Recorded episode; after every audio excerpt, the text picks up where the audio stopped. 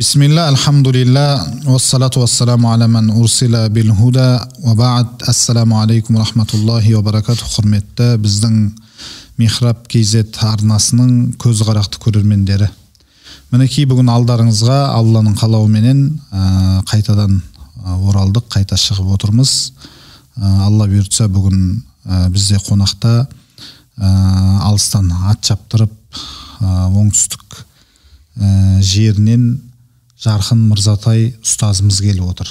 Жамағат. Қош келдіңіз. Жамағат. Енді біреу үшін жамағат біреу үшін мырза біреу үшін ұстаз мұхтарам жамағат. біреу үшін аға. Иә. Екінші қонағымыз алла бұйыртса бүгін ә, біздің тақырыбымызға ә, демеу беретін ә, түйткілді кейбір мәселелерді ә, өзінің көріп жүрген ә, жаңағы ортадағы кейбір жағдайларды ашып бізге ә, барынша елге ә, жастарға насихатын айтатын ағамыз мақсат базарбаев ағамыз келіп отыр. Қош келдіңіз аға. Қош келдік ассалаумағалейкум. Иә алла бүгінгі отырысымызға мәжіл- мәжілісімізге береке берсін.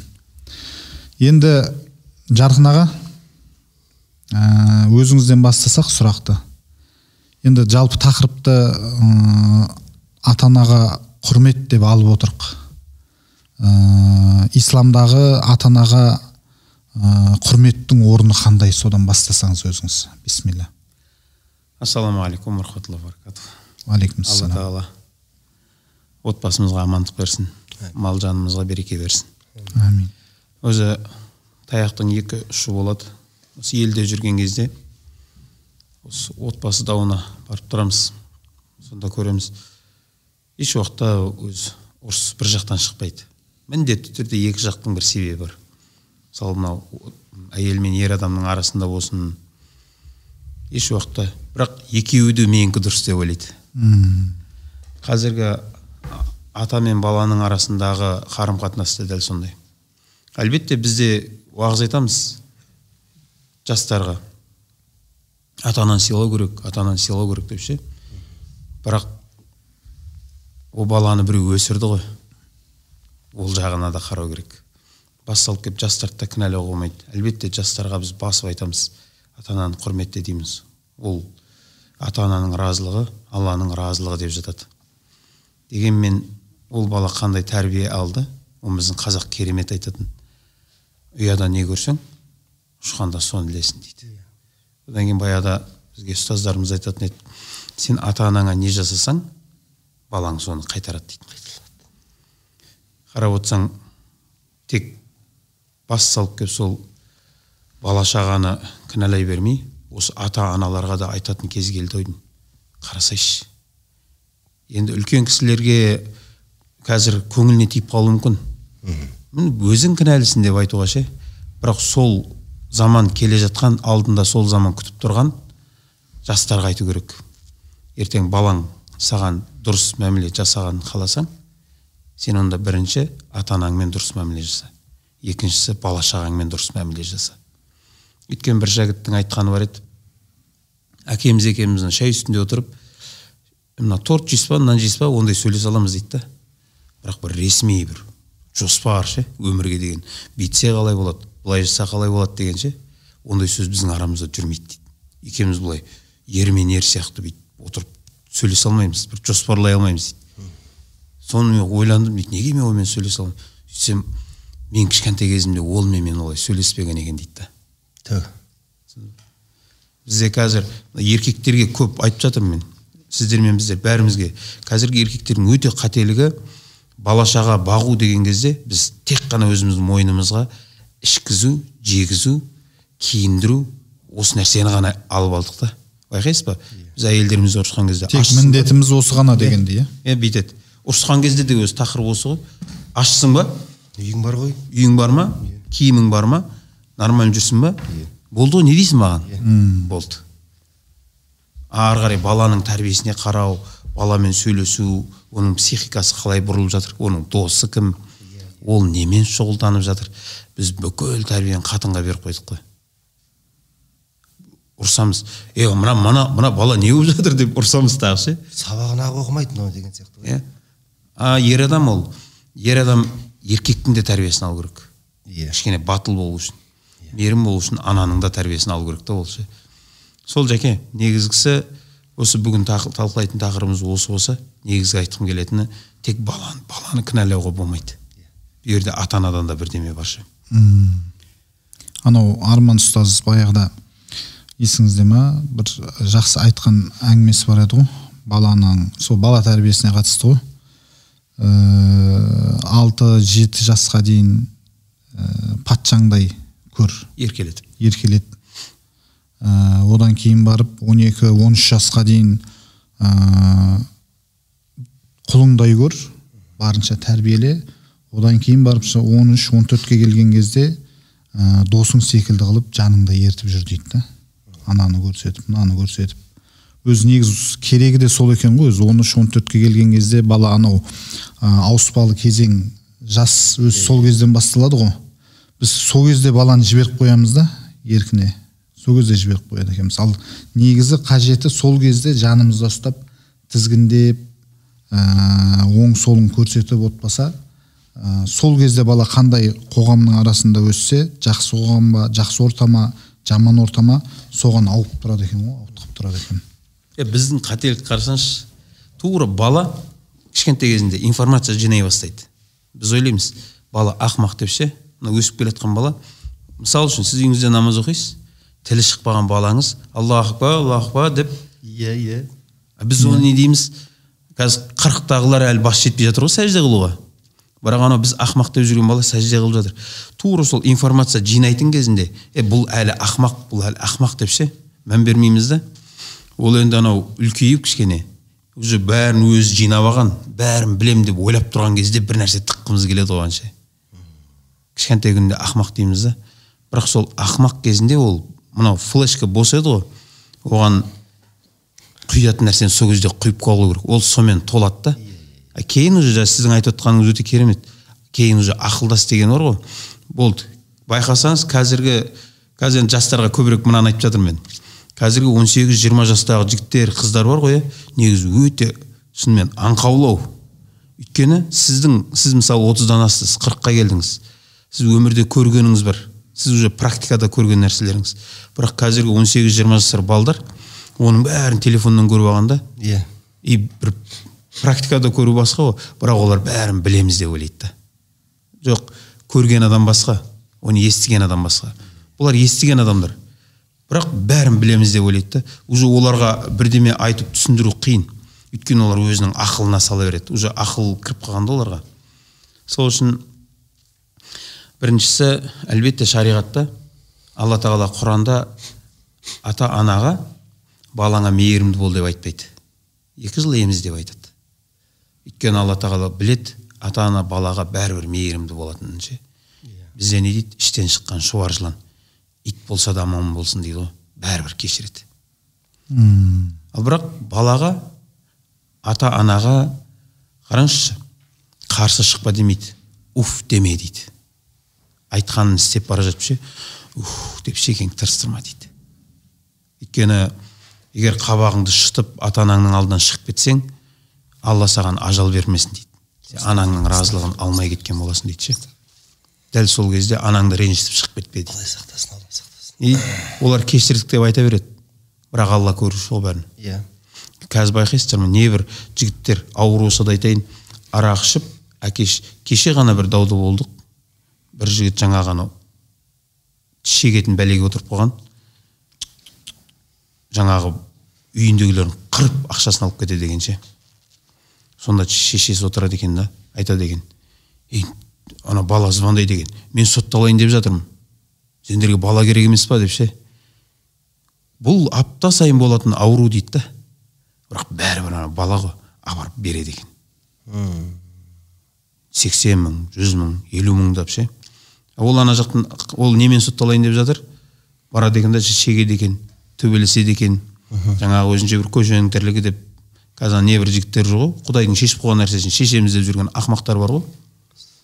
Сондай өзінше бір жаңағы кішкене құдайдың берген күшін пайдаланып жүрген ақымақ бірақ ата анасын солай күйдіріп жатыр дейді да не істесек болады дейді. Мен айтып жатырмын сіздерге бір вариант айтайын деймін да не істеуге болады не істеуге болады? Бала күніне қайтар да сөйтіп дұрыстап тәрбие бер. Ол мүмкін емес. Көрдің ба мүмкін емес. Оны біздің абай атамыз айтады қолымды мезгілінен кеш сермедім кеш сермедім осы болып тұр ғой көп отбасыларда ше. Иә алла разы болсын. Ә, мен төрт үш ұл бір қызды асырап отырмын. Алланың қалауымен ғой енді. Алланың қалауымен. Енді ұлым да енді қазіргі заманауи соң қолдарында қазір ұялы телефоны бар. Оны міндетті түрде қарап тұрамын. Тексеріп тұрамын. Кіммен дос кім қай жерде ортасы қай жерде соның барлығын қарап тұрамын.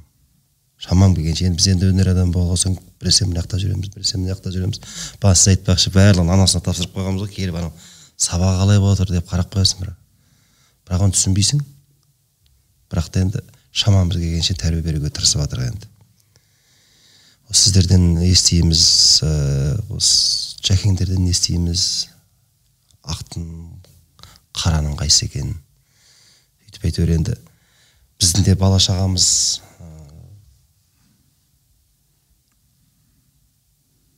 өзіміз қалай ата анамызды құрметтедік солай сыйласа екен деп ойлаймыз ғой мен өз басым бауырмашылмын.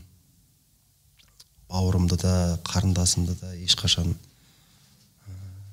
әуелі алла екінші осы бұйырғанымен еш жерде тастаған емеспін тастамаппын да жанымда. Мен не жесем бауырларым да соны жеу керек. Мен не ішсем сол бауырларым да соны ішу керек. Мен шалқып тасып жүргенім не керек? Бауырларым аш болса. Ана қазан толса дейді бірінші өзің айналаңа толу керек жаныңдағылардың дейтін дейді? Кеше бір кісіден естіп едім бір? Қазан толған кезде су бірінші жайында. Өзің бауырларыңа көмектес сосын асып жатса басқасына көмектес дейді да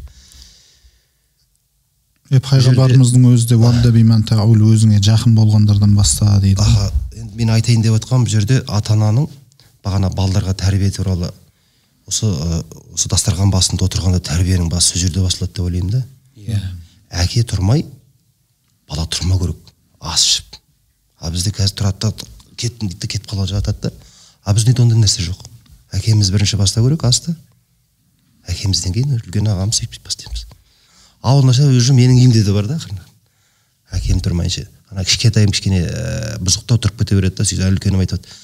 Әкем тұрған жоқ қой отырсашы дейді да. Енді оның да есі кішкене толған соң кейін ол да енді өзінің. Процесс жүріп процесс жүріп жатыр да ең басты процесс жүріп жатыр да ең басты үлкендер түсініп тұр уже. Соны енді аллаға шүкір деймін да ол менің әке шешемнің маған берген тәрбиесі. Ә, әкеме сол ата анамның атам мен апамның берген тәрбиесі деп ойлаймын да. Шүкір осыған тіл көзден сақтасын осылай. Жақсы оқысын дейсің балаңды да. Бағана сіз айтыпсыз баладан ғана көре бермеу керек. Оны өзімізден де. Қазір совет өкіметінің кезінде кісілердің көбісі басқаша түсінік қой. Қонаға келмесе ана бәлесін алып келу керек. Қонаға келсеші міне. Осыны қазіргі жастар керісінше әке шешесіне айтып жатыр осы нәрсе керек емес. Өйткені бізге анау бір той ұйымдастыратын кездер болып қалады. Бір күні бір кісінің үйіне бардым. Той баласымен ыыы кейін отбасымен отырып сол той туралы бір әңгімелесіп отырдық сосын мен айттым аға дедім. Егер тойыңыздың қонағыңыз аман есен мына жайылған дастарханыңызға келіп аман есен қайтуын тілесеңіз ана бәлені қоймаңыз деді баласы да қол, қол, қолдап кетті. Мен «А, ал әке қоймай ақ қой осы бәле жаман нәрсені оны біз айтқан жоқ алла тағала айтты ғой лағнет болсын деді ғой мысалы оны ішкен адам келген адам. Сөйтіп едік әкесі көнбеді. Онда кешіріңіз мен бұл жерден болмаймын дедім кеттім де қалдым. Ол совет өкіметінің әбден ана құлақтарына кіріп қалған нәрсе ол енді. Қонаға келсе ә, міндетті түрде сонсыз болмайтын сияқты ештеңе оның да өзі тәрбие ғой деп ойлаймын да. Иә ол анау мен оның үйіне барып ішкем Иә, иә, оған қоюым керек деген сияқты. мен оның үйіне барған кезде ол оның үйінде отырып ішкен. ойда жүргендер ғой. қазір менің үйіме келгенде ол ішпесе ойла айтады мен мынау Иә. бейшара деп айтады дейді да. Ұят. Ұят дейді да соны алладан қорқып тұрған жоқ алладан ұялып тұрған жоқ та ол ше. Ол жай әшейін пенде біреу алланың жаратылған жаратқаннан ұялып тұр да өзі сияқты. Сондағы өзі сыйластықтың мөлшері сол болып тұр ғой былайша айтқан кезде. Ол мынау совет өкіметін сіз өзіңіз айттыңыз ғой баяғыда бір некеде бір отырған кезде айттыңыз анау. Сол бәлені шығарған кезде қалай ары қарай қалай адамдарға жеткізу? Әр мейрамды көбейтті дедіңіз. Иә. Ә, завод салды дедіңіз. Ол біздің мынау дінімізге қазақ халқы болсын қай мемлекет болсын соны біз мысалы діни жағынан жүретін мемлекетті құрту. Мақсат. Сол мақсат Иә. ғой. ол енді оны ол таза еврейлердің тірлігі ғой енді. Таза. Ана союз көрген көкелеріміз бар араласып тұрамыз ғой. Кейбір жерлерде осыны айтып қалады. «Жа дін жайлы айта бастасаң зор жаңағы біздің қазақтарда өзі мынандай бір құтылып кететін сияқты жол бар. Біріншісі күнәні істеп істеп алады да сп- спокойно отыра береді.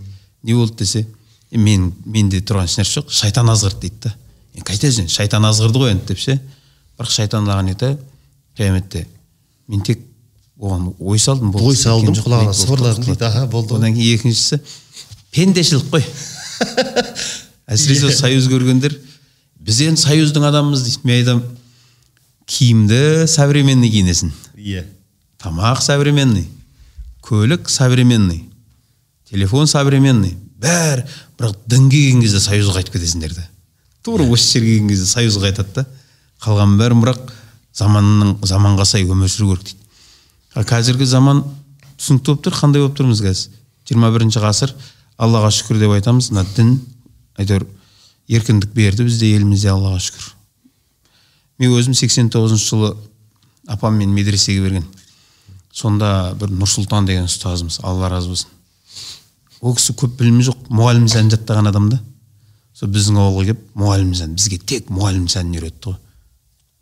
Ол кісі біз жақта жұлдыз ғой. Қазіргі заманның қайрат нұртасы ғой былайша айтқанда. өзіміздің қанша қанша жаста едіңіз ол кезде? ол кезде он жаста он жаста. өте тақуа тұғым ол кезде. Мен мен туған жылы екен сексен тоғыз. Иә.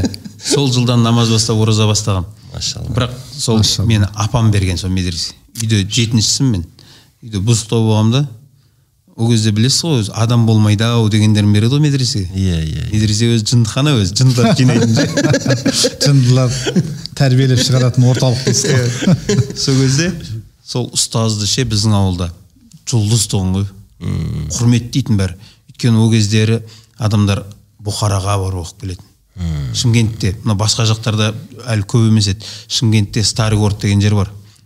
Сол жерде ғана адам оқытатын онда да ол есептеулі кез келген адам барып кіре алмайды ол жерге.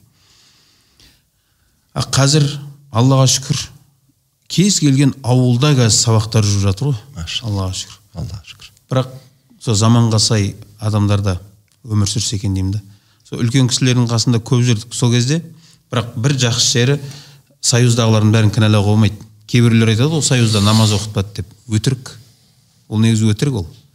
Союзда активныйларды қудалады. Иә. Ана өзімен өзі е, намазхандар бар ғой үндемейтін намазхандар олар өзімен өзі жүрді да не партияда жұмыс істеуің керек сен қудалану үшін не активный болуың керек. Елім дінім дегендер олар қудаланды а бірақ өздігімен намаз оқып жүргендер оларға ешкім тиіскен жоқ негізі. Мм. олар тура бір ана намаздан қуып шығарып жіберген сияқты айтады ғой бұлар ше а екі қойын бұрсамдарға ешкім тиіскен жоқ негізі. Бірақ сол кезде де бірақ сол сексен тоғызыншы жылы біз үш бала болып өмірбаянымды айтып кетіпсіздер өте өте керемет. Айта- беріңіз, айта бірақ қызықты менің өмірбаяным керемет. әртүрлі жолдарды көргенмін ғой. Қатын өмірден бір ақ қазір шықпайды сіз айтып қазір кеттіңіз мен- де айтып өтемін. Мен өзі алты жасымда мені мен алты жасымда мені музыкальный школаға апарған ғой мен. Алматыға мына сәбит оразбаев деген атамыз бар соның үйіне апарған. Бір апта үйінде тұрдым. Үйде отырасың мен лайда өскенмін ғой мен. Үйде отырасың еш нәрсе ұстамаймын тамақ ішейін деп жатсақ бет қолың сабындап жу дейді. Мен айтамын дені сау ма не мен еш нәрсе ұстаған жоқпын ғой деп ше. Бір аптада аппақ болып кеткенмін ғой мен сөйтіп ауырғанмын ғой. Мен айттым мынандай өмірге мен шыдамаймын мен мен лайға аунап үйренгенбіз ғой. Ауылда топырақпен өскенбіз ғой. Жылап айқай шығарып қашып кеткенмін ғой ондай музыкасы құрсын деп ше. Әйтпесе мен де қазір қайрат нұртас болып жүрер едім ше. Шаш жайып алып сөйтіп әшки тағып алып иә. Ол ол бауырымыз ғой енді тағы кейін мына подкастты көріп артынан шымкентке іздеп келіп тұрмасын. Ол қажылықта жолыққанбыз ол жігітпен. Иә бірге бауырларымыз ғой. Жалпы енді анау ат- танымал адам ғой деп айтып жатқаным бұл ғой. жерді қиып тастайды ғой. Жоқ сала бер қалдыр дәл осы жерін қалдырғым келіп жатыр да мен жібер. Мынау өнердегі адамдар өз мені көрсе түрлері өзгереді өзі олар жайлы көп айтамын ғой мен. Сол кезде айтқым келгені мынау. Сол он жасымызда сол құран оқып экзамен тапсырдық қой. Сонда үш бала жақсы болып тапсырдық. Бақытжан деген ағам бар жетпіс бесінші жылғы. Айдар деген жетпіс алтыншы жылғы ағам бар мен үшеуміз енді біраз жігіттер де тапсырды бірақ үшеуміз жаңағы рамазан айында тарауихтан кейін субхана зил мульки уәл малакут деген үшеуміз әндетіп айтатынбыз. Соны қариялар қасына алды да ертіп жүретін. Сонда қариялардың сөзін көп тыңдағанбыз. Ауылдың қарияларының солардан енді еміс еміс есте қалғандары бар ғой. Сонда мысалы бір қария осы бала тәрбиесіне қатысты бүйтеді. Кемпірлерге айтатын. Ана кемпірлер осы бала өскенде мені бағады осы бала өскенде маған қызмет қылады. Осы бала өскенде маған қарайды дейді. Әдемі сөздер ғой. Қараңызшы бірақ екінші жағы ана қария айтады. Сенің мына балаң саған қарайтын болады саған қызмет қылатын болады сені бағатын болады. Бірақ сенің дұғаң қабыл болатын адамсың ғой. Сен осы баланы елге қызмет қылады. Бұл елді бағады. Елдің баласы болады. Менің балам болады емес үйімшік қылма оны. Елдің баласы болады десеңше қарашы қандай? Бұл тек саған қарамайды дейді да. Бұл елге қызмет қылады ал сен ана үйдің ішінен шығармай тұрсың ғой бұны дейді да. Түсіндіңіз ба? Керемет. сол үшін маған қарайды деп айтпа. Мені бағады маған қызмет қылады деме. Осы бала елге қызмет қылады. Халыққа қызмет жасайды. Иә. Осы сөздің өзі ана балаға әсер етеді екен да осы ше алланың құдіреті. Кеңінен ал дейді да иә. Иә. Бір шеті әсер етеді екінші бір жағы. Ол ә, бір шеті дұға ғой екінші бір жағы дұға. Ата ананың айтып жатқан іштей тілегі ә, балаға жасаған дұғасы ол ешқашан кері қайтпайды. Ә, машалла алла разы болсын. адамдарды руға бөліп ондай ауруым жоқ та. Бірақ мысалы үшін осы қажылықта қызмет қыламыз ғой. Мен ол жерде жүргендерге кіші жүздің орта жүздің ұлы жүздің бәрінің тарихын айтамын. Қазыбек бидің тарихын айтып оқысаңыз бар ғой әке шешесі келдібек пен тоқмейілі анамыздың өмірлерін қазыбек би оның баласы бекболат оның баласы тіленшілердің өмірлерін оқысаңыз бар ғой. Алланың құдіреті міне бізге тәрбиелік мәні бар нәрселер да соның ішінде қазір бір керемет осы тақырыпқа сай келіп тұрғаны дулат атамыздың өмірі. Менің атам. Дулат атамыз төрт баласы болған. Сиқым жаныс ботпай шымыр. Жаныс. Сонда е сен шықшы мен де жаныспын ғой өзім бәсе шай ішейік десе. түрлі болып тұр да бір ше сен кім шықшы біз де ұлы жүздің баласымыз. Жаңа сіз бөлмейміз андай қылмаймыз деп жайлап тура келіп қалыпты. туысыңыз тауып едіңіз мені сырыватсыз ғой. Бірден ба? Сонда қараңыз сол кісінің даналығы біздің қазіргі әкелерге бұл сабақ болса деймін да балдар ойнап жүреді ғой қарап отырады екен. Кім немен айналысып жатыр? Қазір бізде көп ата ананың қателігі баланы оқуға түсірердің өзінде баланың талабына қарамайды. Өзі кезінде істей алмаған істері бар ғой. Иә. Соған тығады ғой. Сенен шығады деп. Иә иә. Жақында ғана бір жігіт айтып жатыр баламды медресеге бердім дейді. Қара медресенің өзіне мән беру керек. Баласы айтады екен әке мен бұны бәрібір істемеймін. Не үшін қинап оқытып жатсың деп ше? Қинап. Мен айтамын ол бала медресені жек көріп кетеді ғой қайта сен оны одан шығар қандай жұмыс істегісі келіп тұр? Істет бастысы кәлимасын үйрет құдайдан қорқуды үйрет. Ол бәрібір анадан шығайын деп тұрған жоқ та. Сонда ана баласы мысалы бір балдар да темір шұқыл болып отырады ғой бұл сол өзіне ұнайтын нәрсені жасап жатыр да. Ана дулат атамыз төрт баласын беске таныған екен ғой. Өйткені әрдайым бақылайды екен. Кім не жақсы көреді соны шұқиды ғой барып. Одан кейін ұйықтап жатқан кезінде бұл баланы тану. Енді екіншісі бағана жәкең айтқандай дұға жақсы сөз жарым ырыс балдар ұйықтап жатқан кезінде сиқымы былай жиырылып жатады екен жиырылып. Сонда қараңызшы қандай жақсы тәуел жасаған да ол қандай жақсы жорамал жасаған. Мына бала жинақы дүниесіне еге бала болады дейді. Сиқымды айтқан аха. жаныс былай бүйтіп жатады екен талдай бүйтіп ше? Сондай бізде көбінесе қазір балаң сөйтіп жатса мына тәңіл тура алкаштар ұстап жатады екен дейді ғой ниеттің өзі жаман ғой сонда айтады екен мынау қолы ашық ашық кең жомарт болады ботпай былай жатады екен кішкене бүйтіп ше ботпай шекесі тыршып жүреді екен сонда ботпай бір түйіп жатады дейсіз ғой иә сонда айтады екен мынау ел қорғайтын батыр болады ау деп ше. А, шымыры кішкене мынандай әлжуаздау болған ғой. Сонда айтады мынау жүрегі кең мейірімді жанашыр болады деп ше? Соны айтады дулат атамыздың балдары тура сол кісі болжағандай болды дейді да енді қазір оны біз көріпкел болды деп айта алмаймыз ғой. Ол жақсыға жорыды да ол. Жорыды иә иә. Жақсы сөз жарым ырыс дейді ғой. Иә. Сол балдарымызды танысақ. Қазір біз балдарымызды танымаймыз да ғой. Мамалары таниды. Біз танымаймыз да ғой шыны керек азанда кетеміз бағанағы айтқандай сондай ғой таңертең шығамыз түнде бірақ келеміз келгеннен кейін балдар не балдарымызды көрмей де қаламыз ғой сол түнде келген кезде ең болмаса ше шақырып алып сөйлеспейміз ғой ана жаққа бар шаршап келдім деп қуып жібереміз ғой біз сөйтіп алып мен демаламын ана жаққа бар деп жатып аласың да бірақ қарасаң в сети болып тұрады бөлмесіне жатып алып еп телефон шықылайды да бізге мынау жақында болып қалды ғой қазір мен үйленгеннен соң кейін тоғыз жыл балалы бола алмадым мен. Тоғыз жыл. Енді медицинаның анасына да бардық мынаусына да бардық. Ә, одан кейін ортамызға түс- түскен адамдар да көп болды. Ей сен қыз қырғынның арасында жүрсің ғой. М, басқасын алсашы деп. Мен айтамын енді біреудің қызын жылатып қайтып жібере қоямын ол да бір адам адамның баласы. Онда абырой бар. Деп бір сынақ тоғыз жылдан кейін ұлды болдым. Аңса атам әке ат, атам атын әкем. Атасы ғой енді. Аңсап келдің ғой анау өзім қуанғаннан баламның атына бірінші жыл тоғыз жылдан кейін көрген атын алпамыс қойдым деп қуанып жүрмін ғой. Сөйтсем мынаны атасы қойып қойды да атын аңсар деп қойып. М, аңсап келдің атын аңсар деп қойды. Әкемізден асып кете алмаймыз ғой үндей алмаймыз. Әкеміздікі айтқан заң әкеміздің қас қабағымен ғой біздің тұрып отыру ол ауылдың тәрбиесі солай болады деп ойлаймын да. Кетсем кейін мен қазіргі өзім ұлдарыма қатты бір қаталмын деп айта алмаймын. Қатал болу керек па бір жағынан. Мен анау бағана сіз айтпақшы өзім маман деп өзімше бір неге апарып көрдім? Таэквондоға апардым. Екінші ұлымды сөйтіп едім бір жарысқа алып бардым. Сөйтіп ана жақтағы бала кішкене мықтылау болды дағы баламды сабап тастады.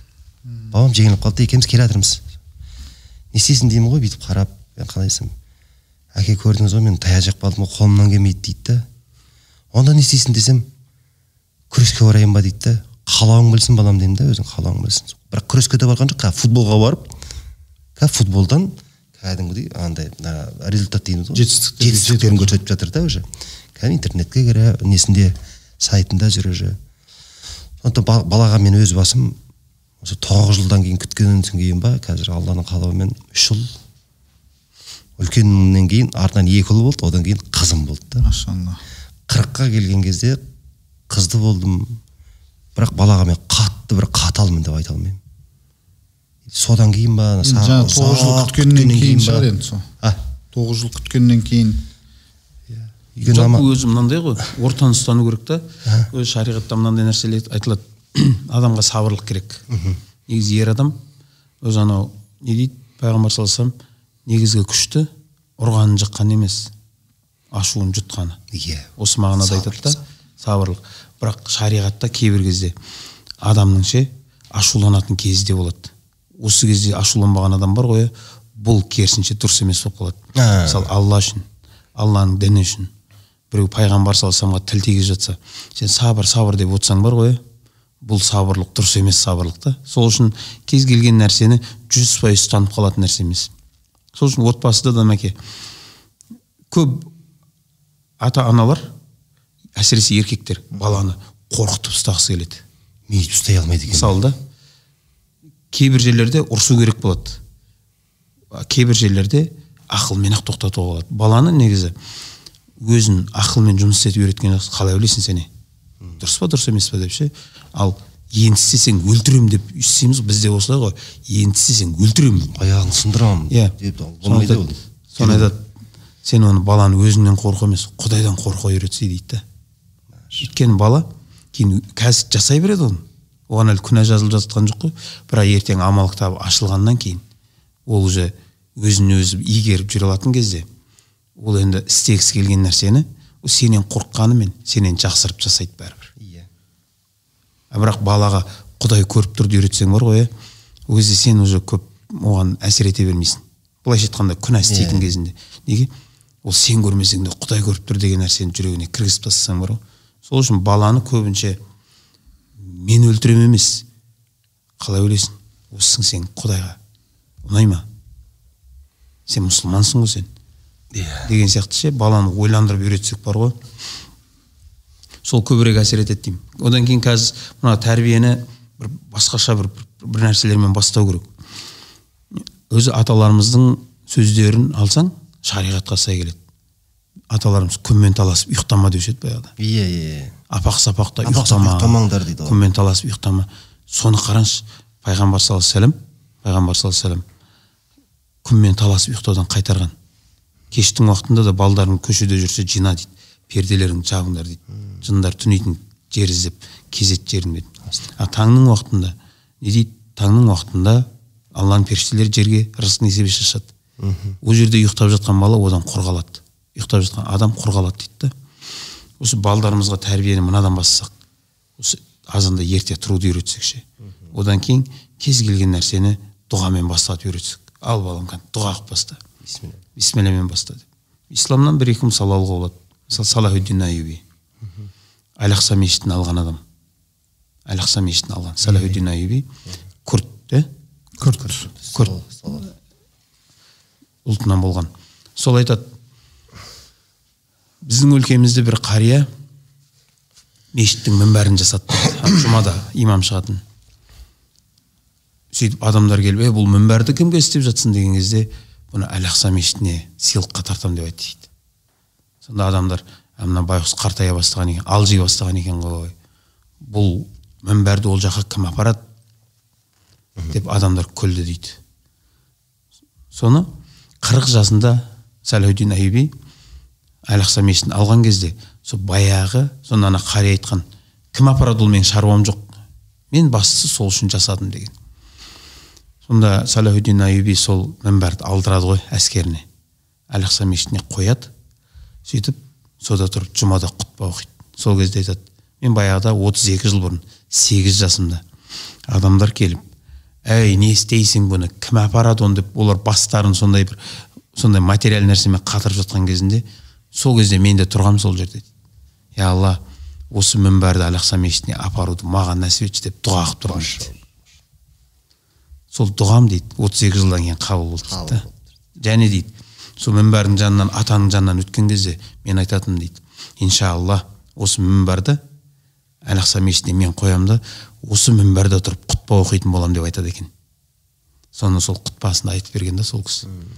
Сол балдарымызды аталарымыз айтатын еді дұғаменен ел көгерер жағумен жегір сол балдарымызға ше бас салып келіп анау болады мынау болмайды үйтсең өлтіремін бүйтсең қырамын дей бермей ше. Баланы сенен қорыққаннан бірдеме істейтін анау оны қазақша через не хочу дейді. Орысша білмеймін қалай айтатынын. Сол через не хочу істетіп үйрету керек емес айтып та сіз. Сондай қазақшасын айтып білмеймін десеңізші. Сен арабшасын айтып берсең мен осы орысша мен қазақшаны шатастырып қоямын да. Жақында қажылықта жүрміз ғой. Уағыз айтып тұрамын да мен. Уже деп жіберіп жіберемін анау. Ара арасында орысша қосып сол кезде бір өзі шұқып отыратындар болады. Иә, сынап сұрайтындар болады білгісі келіп сұрайтындар болады. Сонда біреу тұрды да е сен қазақша сөйлесей деді конкретно қазақша сөйлесей деді да ол орысша қоспа сен деді да қазақ тілін құрметте деді. Жарайды дедім. Сөйттім де бүйтіп келе жатырмын да көке мына жеріне мына уже дегенді қосайын деп тұрмын қазақшасын айтып жіберіңізші деп сөйтсем өзі де білмейді да оның не екенін. Сөйтіп бүйтіп айтып айтып келемін да көке почтидің қазақшасын айтып жіберіңізші деймін да ей оның қазақшасы енді оның амал жоқ мен осы жерде қосамын енді сол сияқты балдарымызды ше негізі баланы самостоятельно самостоятельно қылып үйретсек деген ой ғой негізі өзін өзі алып жүре алатын. Өйткені байқайсыз ба? Міне ата ананың тағы бір қателігі. Менде ауруым бар. Мен 45 минут сөйлеп үйренген адаммын да. Күшті әдемі. Мынаны қараңыз кейбір аналар бала бірдеңені өзі істегісі келеді ғой иә бүйтіп бірдеме ойлағысы келеді сол кезде аналар айтады ей ол болмайды ол бәрібір қоя салшы аналар кейбір кезде баласын қиналмаса екен деп ойлайды да. Қазіргі де мына отбасы мәселесінде мына қатындарға көп айтып жатырмыз ғой біз. Әйелдер қызын күйеуге береді да шешелері не істеп жатсың ауыр жұмыс істеме е ауыр жұмыстан біздің аналарымыз апаларымыз өлген жоқ еді ғой. Керісінше қимылдамағаннан ауырып жатыр ғой Иә. қазіргі жастар. Өйткені біздің қазақта керемет сөз бар. Әке шешеңнен тез айырылғың келсе жат қызды бақ деген. Қимылдамаған адам бар ғой. Ол өлімге қарай тезірек жүреді екен ғой. Қазіргі жастар керісінше сол қимылдамағаннан ауру болып жатыр да. Соны айтады ананы істеме мынаны істеме деп ше. Бала емессің сен ойдың иә. Бірақ не тәрбие ол? Иә. Қараңыз балдар өсіп келе жатыр. Кейбір аналар баласына жаны ашиды қиналмай ақ қойсын дейді да. Әкеле өзім істей саламын қазіргі аналар баласының сабағын да өзі орындап жатыр. Бала 11 бірінші классты бітіріп шығады анасы білімді болып шығып жатыр ғой. Ана бала сол баяғы сол баяғы. Өзі табады көшіреді. Бала тек көшіріп жазады жаттап ешнәрсе үйреніп жатқан жоқ қазіргі жастар. Интернетте бүкіл жауап бар. Бәрі бар. тек оны шешесі тауып береді. Мына бала тек көшіреді да барады да бес алып жүр. Баланың миына ешнәрсе қонып жатқан жоқ қазір. Соны мысалы да қараңыз ана балаға бірдемені өзі бір талпынып істегісі келген кезінде сағын сындырған да қазақ айтатын еді болатын баланы бетінен қақпа белін бул дейді жасап көрсін. Болмаса болмай кетсін ана бала өзі істеп көрсін да бізде қоя бер дейді да дайын береді ғой. Сол бала өскеннен кейін әлі күнге шейін шешесіне не бересің? деп отырды. Қимылдағысы келмейді. Пенсияны қашан аласың. Эгоист бір жағынан ана орысша айтқанда эгоист сияқты болады бір жағынан жаңағындай самостоятельный бола алмайды ғой анау. Сол ғой, бірдеңе істеу үшін қорқады да ісім алға баспай қалатын шығар болмай қалатын шығар деген түсінік қой өзі өз өзін алып кете алмайды арқа сүйеп қалған да? Енді былай айтқанда маменькин сыночек болып қалады ғой. Баяғы анау сіздердің жарқынаған тілмен айтқанда қазақша айтқанда дейсіз ғой. қазақша айтқан кезінде жарқын. екеуміз үлкенбіз ғой мына пацандар оны білмейді. Баяғыда екеуміз сәкеме сәбет үкіметіміз ғой. Екеуміз әңгімелесейікші осы сіз ана жаңағы басында айтқан әңгімеңізге өзіңіз қайшы келіп отырсыз. Анау мектепте баяғыда білесіз ғой бір сабақ оқытатын өтетін. Ана баланы әкесі жұмыс істе деп жібереді. Кешке келген кезде мамасы ойна деп жіберіп тиын береді. Кешке әкесіге отқа тастаған кезде бала қарап тұра береді. Екінші күнінде үшінші күні шешесі айтады әй әкең біліп қоя береді барып жұмыс істеп тауып кел деп бала жұмыс істеп тауып келеді ақшаны. Сол кезде әкесі келіп тастаған кезінде отқа ана бала отқа қолын тығып әке адамның еңбекпен тапқанын сонда айтады міне енді еңбекпен тапқан деп ше е сол сол, сол баяғы сол керемет тәрбиелік өнегелі нәрсе еді да осы бізге ше. Балаға еңбекпен табуға өзі қимылдап өзі әрекет жасап үйретуге ше? Көп қателікті біз өзіміз жібереміз ғой. Содан кейін ертең ә, біреуді кінәлау керек болады да сонымен. Баланы кінәлап отырамыз да. Андай болды мұндай болды деп. Мысалы ол бала оқымай қойса мұғалім кінәлі болады. Иә. Тәрбиелеу барысында жаңағы балаға өзіміз қалай өтірік айт үйретіп жатқандығымызды байқамай қаламыз сезбей қаламыз да. Жаңа бір нәрсені бүлдіріп қойса сындырып қойса айқайлап жегіп береміз ұрысып береміз. Ә, келесі жолы ол сындырса екінші рет ешқашан мойындамайды ол. Қояды Ә, мынаны кім сындырды десең? Мен емес. Дейді ол. беті бүлк етпей тұра береді да. Ал оны сол жерде дұрыстап кішкене қадым жасап е мынаны жайлап түсіндіріп айтып келесі жолы былай жасама десе ә, келесі жолы сындырған кезде сұрасаң ол айтады мен сындырып қойып едім кешіріңіз дейді. Ол осы нәрсе біздің үйде бар осы нәрсе. Мен балдарыма айтамын мен саған қол қашан мен саған қол жұмсадым? деймін. Істеген нәрсеңді мойныңмен көтер сен істедің ба сен мойында өтірік айтсаң уже саған уже қалыптасып кетеді уже ертең де өтірік айтасың қазір сен үй, үйіңде өтірік айтқан соң сен ертең ортаға барып та өтірік айтасың достарың арасында өтірік айтасың кім боласың? Өтірікші боласың осы нәрсе. Баяғыда енді бағана сіз айтып кетіп жатсыз ғой мектеп туралы мысалы. Мектепте бұзық істесек мұғалімнен бір таяқ жейміз. Үйден бір үйден бір таяқ жейміз. келсеңіз тағы бір таяқ жейсіз. Үйден бір таяқ жейміз а а қазір ше мұғалім қазір балаға бір түртсе ол үйіне келіп айтады айтса ол ата ана салады дағы менің балама бүйтеді бүйтіп береді мектепті қырады. Иә. А соның әке шешесінің сөйтіп мектепке келіп қырып жатқанын көрген бала қандай тәрбие алады ол? Ол эгоист болады. ол эгоист болады ол адам. Ол, ол баладан түк шықпайды ертеңгі күні. Ана өз өзін көтеріп жүру ана өзімен өзі жүру өз өзін алып кету ол ол баладан шықпайды ондайлардан. Менің ойымша. үлкен баламның мектебіне жиналысына бардым.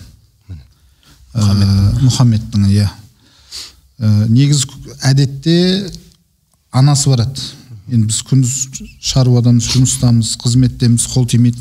Сонымен осы жолы мен өзім бір барып көрейінші деп барып едім ә, ана апайын деген ана жерде ата аналар жеп бара жатыр ғой. міне. жеп бар жан жақтан анау андай дейді мынау мынандай дейді тыңдап отырмын тыңдап отырмын сонымен ана жерде мен шыдамым жетпей кетті отыра беруге ше сонымен амал жоқ ана апайды қорғауға кірістім е бұл өзіміздің баламызда оңып тұрған жоқ қой анау мынандай мынау мынандай деп сөйтіп айтып бастап едім кішкене басылды ана ата аналар сейілді әйтпесем келген ата ананың барлығы анау қазір мұғалім тек чат бар. Мысалы ә, ата аналардың екі чаты бар да қазір. Мұғаліммен бір мұғалімсіз бір чат бар. Сол мұғалімсіз чатта жаңа жиналысқа келетін кезде талқылап әбден не істейміз қалай қыламыз қару жарақтың бәрін жаңағы саймандарын бәрін сайлап дайындалып келеді ғой жиналысқа. Барған кезде үйтіп жібереміз бүйтіп жібереміз деп ше? Соны іске асырып жатыр да былайша айтқан кезде. Сонымен е қойыңыздар дедім болмайды бұлай. Ә, сондай ғой қазір өзіміз құртамыз. Ә, балаға мысалы е, мектепте біреу бір нәрсе десе айт ә, барып шешем өзім деген секілді ә, не беріп қоямыз кішкене? Былайша айтқанда жарқынаған тілмен айтқанда дух беріп қоямыз. Сөйтіп ол барады да. Дұрыс па? Жарқын аға айтыңызшы. Тәрбие үйден ғой ол үйден бастаған тәрбиені ол мектепте де сол сол тәрбие анау баяғы өзіміздің ә, жаңағы еті сенікі сүйегі менікі ол заман жоқ сонымен солай тапсыру керек қой баланы жоқ. қай жаққа тапсырса да. Сол бағана осы отбасы деп жатырсыз ғой. Бәрі отбасыдан қараңыз. Мен өзім бұрын мына адамға дем салатын анда санда дем салып тұрамыз енді имам кезде. Адамдар келеді дем саласын сонда байқаған мен адамдар ренжімесін. Бар сол. Жастар көп келеді ғой. Мына жын тиеді ғой адамға ше. Жындар мазасын алады. Кейін артын зерттеп қарасаң сол көп жын тиген жастардың әке шешелері дінмен шаруасы болмаған ана молданы жамандап жүрген адамдар болып шығады ғой өйткені баласына сол жыннан қорғанатын жолды үйрететін молданы өзі жамандап тастаған. Білеміз ғой оның Иә. кім болған деген сияқты. Не үйрететін өзінде дымы жоқ сол адамдардың несі? Одан кейін балам ішіп кетті деп көп адамдар шағымданады. Қарасаңыз бірақ сол союзды желеулетіп жүрген адамдар тәрбие қара- қарасаңызшы қалай басталған. Үйге қонақ келе жатса баланы магазинге жібереді. Түсінікті ол неге кеткені. Иә, иә, иә. сосын не деп айтады? Балам пшеничный алма ол басты ауыртады. Хуторянка ал ол басты ауыртпайды. Ұстаз қай жақта отыр көрдіңіз ба? Одан кейін не дейді? Балам LD деген теле, те, темекі ал серинама ол мұрынды қыштады дей ма тамақ Анау жыбырлатады. дейді, белый LD ал ол жұмсақ дейді. Программа ғой автоматически уже балаға ненің жақсы ненің жаман екені үйретіліп жатыр. Тек қана бала не істеу керек енді енді орындаса болды. Қай харамның дұрысырақ екенін көрсетіп жатыр дейсіз Иә. ғой. Өздері айтып тұр да мысалы соседтер келсе үш жүз теңгелік арзанын ала сал дейді. Құдалар келсе екі мың теңгелік қымбатын ал деп ше бізде өзі анау әр күнге арналғандар да бар ғой өзі. Жаманшылыққа ұстазы әкесі болып тұр ғой енді ата ана ғой анау біз көп мысал қылып айтатын нәрсе ғой. Әкесі баласы екеуі келе жатыр. Бала артында келе жатыр. Сонда әкесі баласына айтады ей балам аяғыңды абайлап бас жаман жер басып кетпе деп. Сонда баласы айтады әке сіз абайлап басыңыз. Мен сіздің ізіңізбен келе жатырмын». Ізіңізбен келедім. болды өмір осы ғой. Мм. Сосын барлығыңызда андай нәрсе болған ба еді? Ә, мен жоқ дей салшы деген сияқты. Өтірік па? Ә, өтірік айтуға ә, баулу баланы. бір жағдай болады ғой мысалы. А мен жоқ деп айта салшы деп иә мен жоқ деп айта салшы деп. Ол да уже балаға уже автоматически ол да соны соны қаб- қолданады ғой бір күні ол. Ол нәрсені де. Иә анау әкем айтқан деп. тойға боянып шығады да. Өзі түрінен көрініп тұр тойға бара жатқан. Докторға кеттім деп кететін да? Иә ол да бар. Сосын кейін анау қызық қой енді біз баяғы бала кезімізде ғой әке шешеміз бір вечерға бірдеңе кетіп бара жатқанда екеуісі орысша сөйлесетін. Сол түсінбейміз ғой баламыз ғой. Ол да дұрыс емес шығар деп ойлаймын да.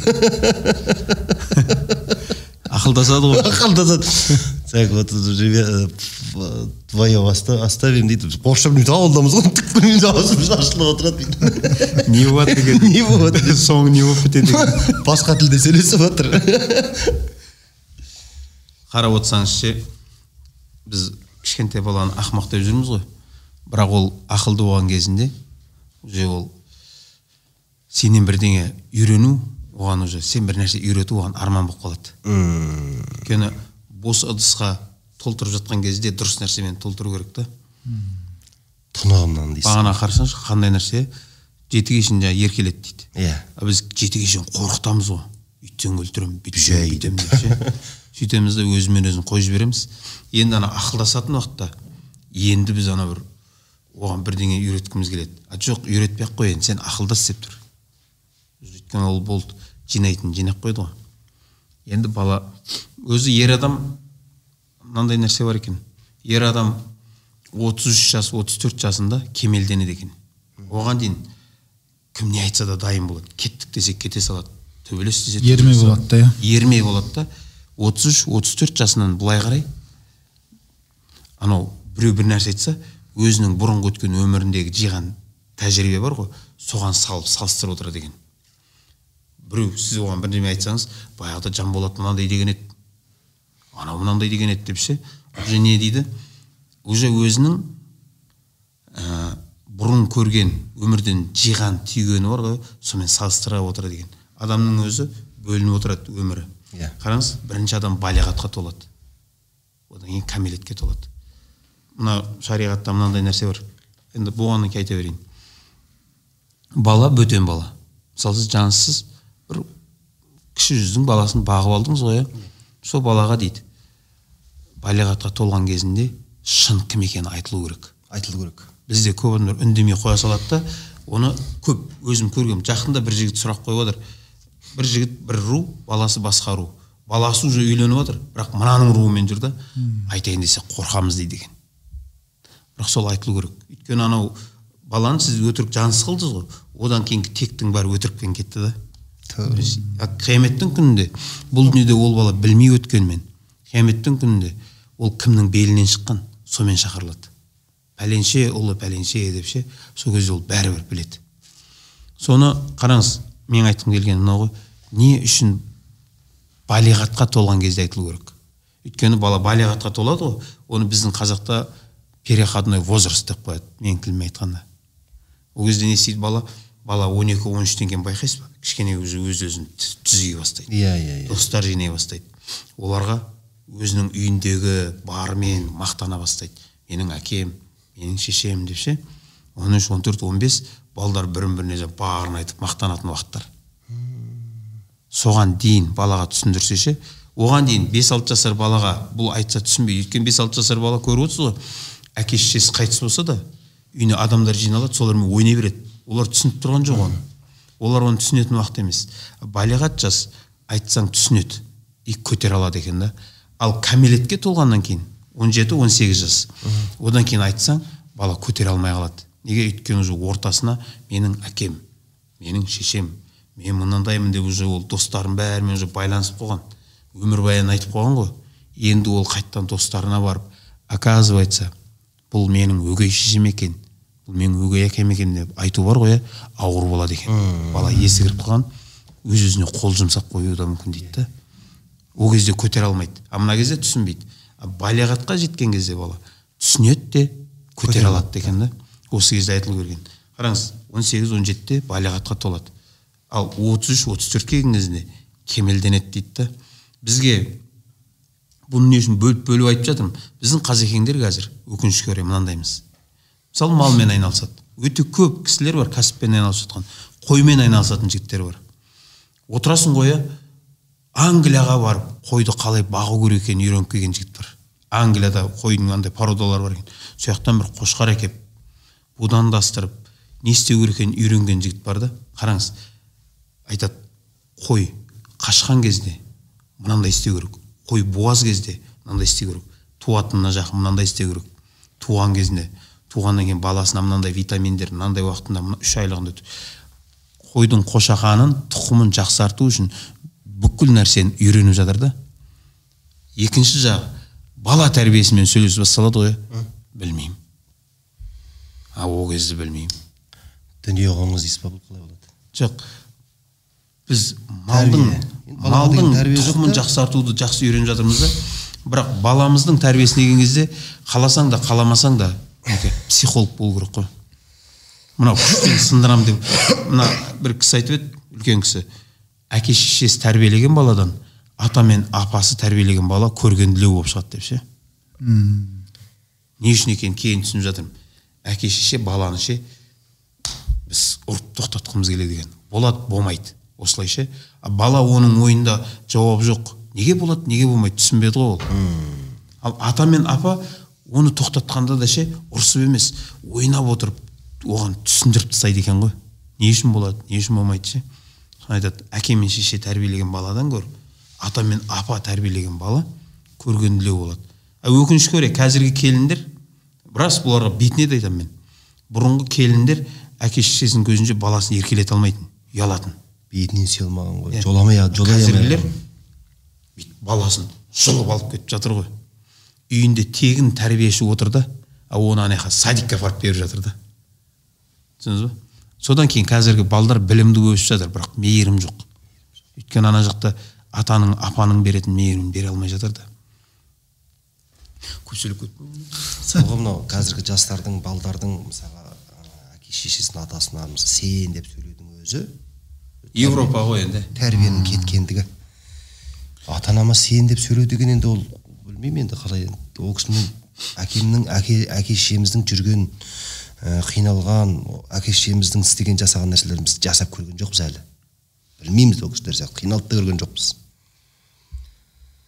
бұның барлығы бала- түбі- айтыңыз айтыңыз, айналып келген кезде ә, бәрі реттелу үшін дұрыс болу үшін қазақшылығымызға қайту керек қой кәдімгі өзіміздің қазақилығымызға қайтуымыз керек сосын кейін мынау көшеде де мысалға тренд дейміз ба мысалы киімнің өзінде мән беруіміз керек мына қазіргі шапан қыстың күні киетін шапандар неге кимеске аяқ киім неге анандайды кигеннен гөрі өзіміздің қыстық нені кимеске ол да мысалы ақырын ақырын қазақилық алып келеді деп ойлаймын да ол нәрсенің барлығы сол киім демекші осы бір мәселені көтергім келіп отыр да қазіргі ортақ киімдер Ә, менің айтайын дегенім мына киімге байланысты қазір ә, мысалы қазір жастардың арасында ә, ортақ киім деген ә, ұғым бар ұлы да қызы да Бола біркелкі киімді кие береді. Былайша айтқан кезде ә, енді ауыр болса да айтайын түсінікті болу үшін унисекс деп қояды ғой енді.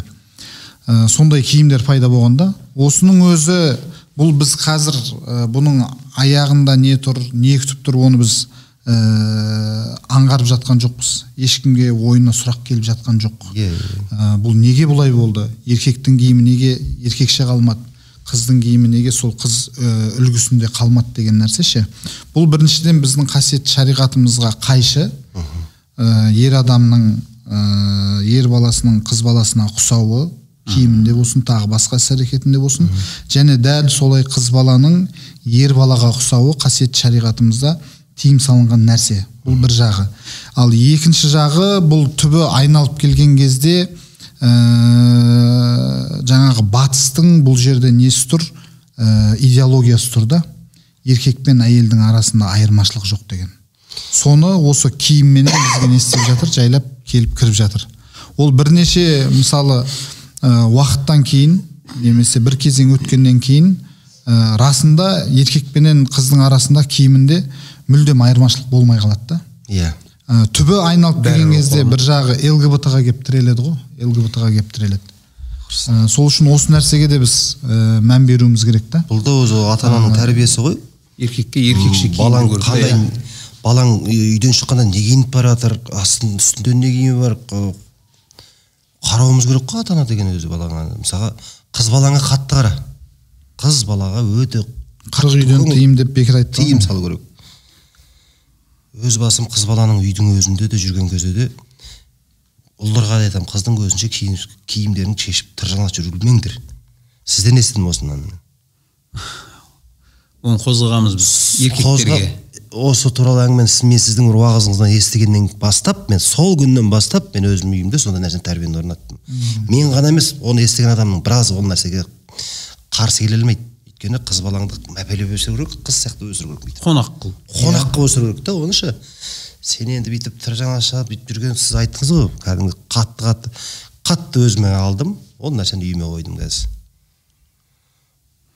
Бұны бір жігіт үйіне жиынға шақырған бір милиция жігіт. Сол жерде айттым мен. Сөйтсек шыққаннан кейін ана жігіт айтады адамды масқара қылды сол мен үйде сөйтіп түрсимен жүретін едім дейді да. Сөйтсек біз мән бермейміз ғой. Қызы бар өсіп келе жатқан ше. Ана жігіт үйіне келеді екен да дастархан басына. Ол свободная форма одежды дейді оны. Өзімнің үйім как хочу солай жүремін деген сияқты. Ғой майкамен түрсимен жүретінмін үйде дейді да. Қысқа шортимен дастархан басында дейді аяқты бүйтіп қойып жамбастап жатып шай ішетін дейді. Сондай бар екен да. Мен айтып ол қонақ қой қыз. Сен қонақтың алдында қалайсың? Дәл солай бол өйткені ана көріп отыр ғой иә? Ана қызың сенің ертең көшеде уже әурет көрсе жеркенбейтін болады. Ол үйде үйреніп қалған да ол. Өте сақ болу керек бала тәрбиесі осыдан басталады не болыпты әкем де өйстіп жүреді деген сияқты ойда болады да. Балдарыммен бірге мысалға неге бармаймын? Жуынатын жерге бармаймын. Е ол болмайды. Ол бармаймын балдарыммен. Мен өйткені менің өзімнің бал- бауырларым бар достарым бар ата ана әкесімен де түсе беретін балдарымен де түсе мен айтамын қалай деймін да ол қалай ол? Өйткені мен әкеммен түсіп көрген емеспін мен менде сондай тәрбие мен әкеммен бірге моншаға барып көрген адам емеспін мүлдем барған емеспін мен де менің ағам да барған емес Мм. өйткені тәрбие солай өйткені мен баламды сондай тәрбиелеймін Біреу өзі үйде жүріп те ол құдай сақтасын енді мейлі еркек балаң қалды да балаңның алдында тыр жалаңаш шығу бар ғой иә құдай сақтасын намыс жібермейді ғой оған мейлі әйелің басқа ол ше балаңның алдында ол ұят нәрсе ғой ол балаңда барып мұнша барып. Осының бәрі тәрбие ғой деймін да жұрттың алдын жұрттың жалаңашын көрсетіп балаңды ұятсыздыққа тәрбиелеп жатсың ғой. Жоқ қыз бала былай тұрсын ұл баланың өзі мысалы бөлмеде кейде есік ашық қалып кетеді киініп жатсаң жүгіріп кіріп қалса бұрылып кетіп қалады да. Иә біз қыз бала ғой, деген мүлдем аңсарым ғой. анау сол нәрсені қатты сіңіріп алғанда інілері кейбір жерде ұмытып кетеді кіріп келеді ғой. Бір киініп жатқан кез сразу білемін аңсардың шар ете қалады. Шығыңдар киініп жатырмын деп айқайлайды оның өзі кішкене Қаншада қазір? аңсарым он үште. Қазір неде мына оқып жатыр лицейде оқыды. Екіншім ы, айбарым қанша келді? екі мың он бірінші жылғы анау он төртінші жылғы. Анау ә, соңға бірдеке барғанда балдарың жылы қанша деген кезде тоқтап қаламыз ғой қайта қа- қатынға звондайсың да е қайсысы қаншасыншы жылғы сен деп күледі ғой. Бола ма сіздерде ондай? Тура сондай. Мен ту- туған күндерін білмеймін. Ұмытып қаламын. А, үйде туған күн не деген атап өтпегеннен кейін Сіздің- өзім туған күнімді ұмытып кетемін кейде. Біреулер анау фейсбукта инстаграмда иә, сай. жазған кезде сен маған хабарлас. Сен дем салдырып тұр сен. Мазаң жоқ қой сен алла сізге дем салдыру апасына ана кілем көріп салатын әдетіңіз бар еді ғой. Бағана қазақылық дедіңіз ғой. Осыны көбірек айтып жатырмыз. бұрынғы қазір ше байқайсыз ба? Бір туысқанның үйіне барып қалсаң ше? Бір туысқанның үйіне просто бара салшы неғып келді екен деп отырады. Әшейін туысқандардың үйіне барудың өзі қазір жат болып қалған ғой байқайсыз ба? Сұрайды жай жүрсің ба? деп сұрайды. Жай жүрмін дейсің ғой иә ол біраз уақыттан қайтадан сұрайды. Сен точно жай жүрсің ба? деп ше. Бізде қазір туысқандардың үйіне себепсіз баруға болмайтын болып қалған да екінші сұрақ ол қайт, қашан қайтасың деген сұрақ қой енді ол. Иә. Астарлап. Жоқ уайымдап отыр бір бәле сұрауға келді ме екен деп ше. Иә, иә. жай туысқанның жағдайын сұрап бару бар ғой қазір бізде жат. Бұрын біздің аталарымыз құдалықтың өзі үш күн төрт күн болатын. Қазір бір күнде ананың туған құдалығы мынаның мынаның құдалығы деп үш сағатта үш тамақ беріп шығарып жіберіп отыр ғой. Бірін бірін танып үлгермейді ғой. Сол қазақылыққа бағана қайтайық деген бар ғой. Мысалы қазіргі жігіттердің өзі. Қырықтан кейін жігіттердің ше құдай біледі тоқсан пайыз простатит қазір ше неге? Қимылдамайды. Ауру жағы шындық қимылдамайды. Атқа мінбейді ешекке мінбейді. Простатиттің емдері да қара жұмыс істемейді. Көліктеміз. Отырған жер мынау. Расы да біздің аталарымыз баяғыда кетпен шабатын. Ең болмаса қазір енді біреулер сонда не енді біз кетпен шабайық па кетпен шаппасаң шаппай кет. Бар да атқа мін. Иә. Ешекке мініп тұру керек атқа ешекке міну керек қара қимылдап тұру керек. Оны біз енді қалалықтар енді анау дайын спорт залға барып жатыр енді қимылдайтын жер таппағаннан кейін. Бірақ сол аталарымыз мәсігалешпен жүретін. Баяғыда өзіміз таң қалатын едік қой айтатын күн ыстықта ана шапан кисең ана киіз шап кисең бір терлеп аласың да салқын болып жүре бересің деп ше.